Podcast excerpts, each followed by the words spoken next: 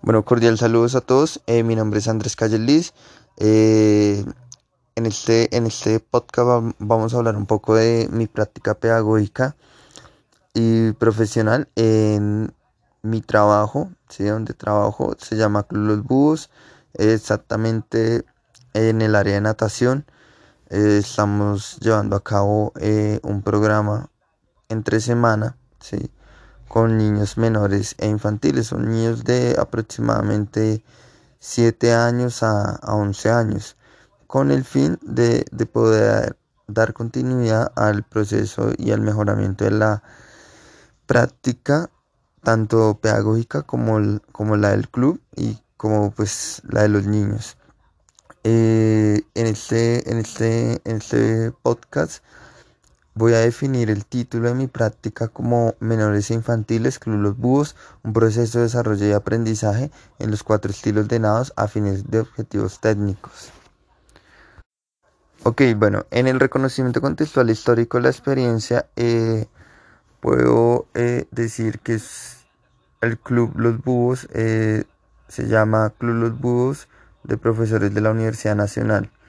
este club, sí, fue construido por profesores de la Universidad Nacional que metieron todo su empeño en los años 70 con el fin de poder poder dar a conocer este club como uno también de los mejores que tiene Bogotá.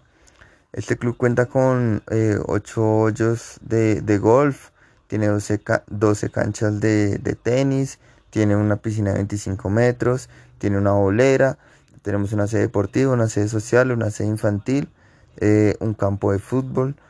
Eh, es, un, es un club que, que ha acogido bastante gente externa, ¿sí? que no es necesariamente que tengan que ser de la Universidad Nacional, sino que eh, permiten el ingreso de otros socios, ya sean, ya sean de, otros lugares. Como tal, no tiene convenio con la Universidad Nacional, solo son profesores que, que, la, que la crearon. bueno, el impacto que, que ha tenido impacto que ha tenido nuestro, o bueno, el, programa de la práctica pedagógica con la Minuto de Dios en el club ha sido bastante, bastante interesante, ya que en tres semanas no se podían dictar clases a, niños, a niños. Solo se podía dictar pues a, gente ya en competencia, categoría juvenil y, y, y senior. Eh, esto porque no había el profesor quien pudiera dictar esa clase, ya que el profesor en tres semanas, el, en, de fin de semanas, pues trabaja en otro lugar y pues no puede asistir. El caso es que esa categoría estaba ahí y pues muchos de los padres y socios querían eh, pues meter a sus hijos en, tres semanas. Eh, al momento que yo conté que si podía hacer mis prácticas, el comité de natación eh, dijo sí, de una. Entonces empecé a entrarles por ese, por ese ladito. Les dije que, me parecía bueno de pronto coger esa categoría y pues así ayudar a que el equipo de los búhos creciera. Y sí, satisfactoriamente todo ha sucedido como, como se ha pensado. Eh, muchos de estos niños ¿sí? Eh, han ingresado. hoy, hoy tenemos prácticamente unos tenemos pocos, pero, pero digámoslo que, que se mueve bastante todos los días y son como cinco niños, seis niños, ¿sí? Que pues para el aforo y para la bioseguridad de, de, en este tiempo por el coronavirus es bastante, pues, bastante significativo.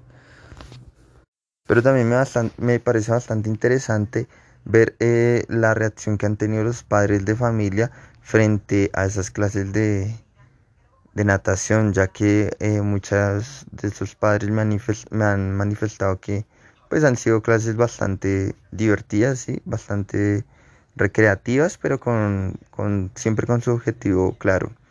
Eh, es importante reconocer que en todo proceso o en cualquier niño tengo el acompañamiento de mi, de mi tutor de práctica, que es el profesor Wilson. Él me, me da unas lineaciones, me da unos objetivos y depende de eso o depende de mí, debo construir eh, planeaciones, ¿sí? Eh, todas las clases construimos planeaciones y vamos construyendo una planeación a corto y a, mediano plazo. Entonces es bastante interesante ver este, punto de vista y lo que me aporta mi tutor de práctica, que como tal eh, e, es bastante eficaz. Bueno, eh, en el documento en el cual donde voy a dejar esto señalado, eh, voy a dejar las imágenes de la experiencia, ¿sí? en este caso, la niña que se encuentra en esas imágenes se llama Bianca. Es una niña que tiene una excelente actitud, tiene una buena patada de pecho, pero no tiene una buena patada de libre ni de espalda. Entonces ha sido un reto bastante difícil porque desacostumbrar a esta niña que patee en libre y en espalda ha sido un poco complicado ya que la, eh, no tiene tanta alternancia en la patada. Pero bueno, es un proceso bastante interesante que espero poder seguir realizando y para mostrar las evidencias más correspondientes. Bueno, por otro lado, eh, en, temas más, eh, un poco más teóricos, Barbosa y Queiroz en el año 2005 nos hablan de, de la actividad física en el niño y él, nos dice que independientemente del programa de actividad física en, en el que el niño está incluido, el citado programa deberá promover su desarrollo de forma armoniosa e integral. De esta forma, las actividades acuáticas en la primera infancia contemplan tres grandes objetivos, que son los sociales, los cognitivos y los psicomotores. Eh, es importante reconocer lo que resalta Barbosa, ya que estos objetivos que ellos nos, nos aclaran se han ido utilizándome en, en el transcurso del, de la práctica pedagógica ya que para nosotros es muy importante el tema social en el agua. Eh, un niño solo puede, o sea, un, un, niño en una sola clase, estando solo una hora, es, es, bastante, es bastante desmotivador. Entonces lo que hacemos es tratar de coger eh, dos niños en diferentes carriles y por temas de bioseguridad y que los dos puedan, digámoslo por decirlo así, competir, eh, ¿sí? retarse entre ellos, ¿sí? ya que esto motiva y ya que crea también un vínculo social dentro del agua. Y en los cognitivos y psicomotores eh, tratamos siempre de que las planeaciones tengan un objetivo como tal, no, no hacer distancias, no acumular distancias por acumular, sino que todo esto tenga eh, su, su, su, su, desarrollo y se pueda cumplir los objetivos que se plantean en cada sesión, que es importante reconocer. Por otro lado, eh, investigando un poco más, eh, la FINA, ¿sí? la Federación Internacional de Natación del Mundo, nos habla de que las actividades acuáticas en la primera infancia se centran en el desarrollo multilateral y, ampliando, y ampliado de la motricidad del niño.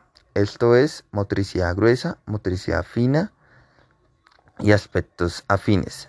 De entre las habilidades motrices gruesas se encuentran los flotamientos, los desplazamientos, las inmersiones, las zambullidas y saltos.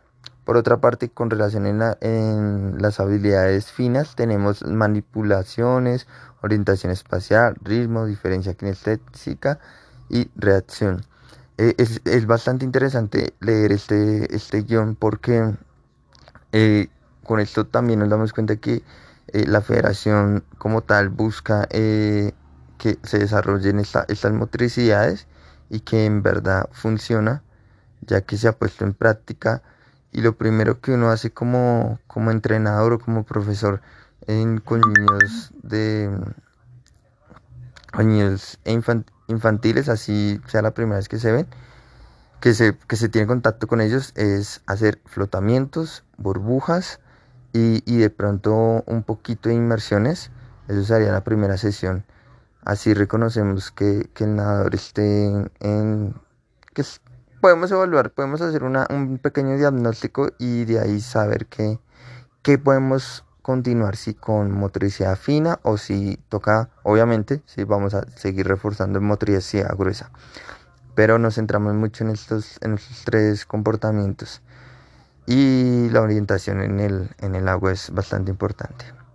Bueno, esta fue mi podcast de hoy. Es bastante interesante eh, hablar con ustedes sobre mi práctica pedagógica, ya que es una práctica que también me abre puertas tanto en, tanto por la experiencia en otros lugares, como también eh, me abre puertas en, en mi mismo trabajo, ya que si hago bien mi trabajo y si la gente le gusta, puedo, puedo, puedo llegar a ser de pronto más que un profesor o puedo llegar a ser, sí, puedo llegar a escalar, sí, y a convertirme en, en, en alguien que, que le encanta la natación. Pero bueno, este fue mi podcast de hoy, espero que les haya gustado, mi nombre es Andrés y nos vemos.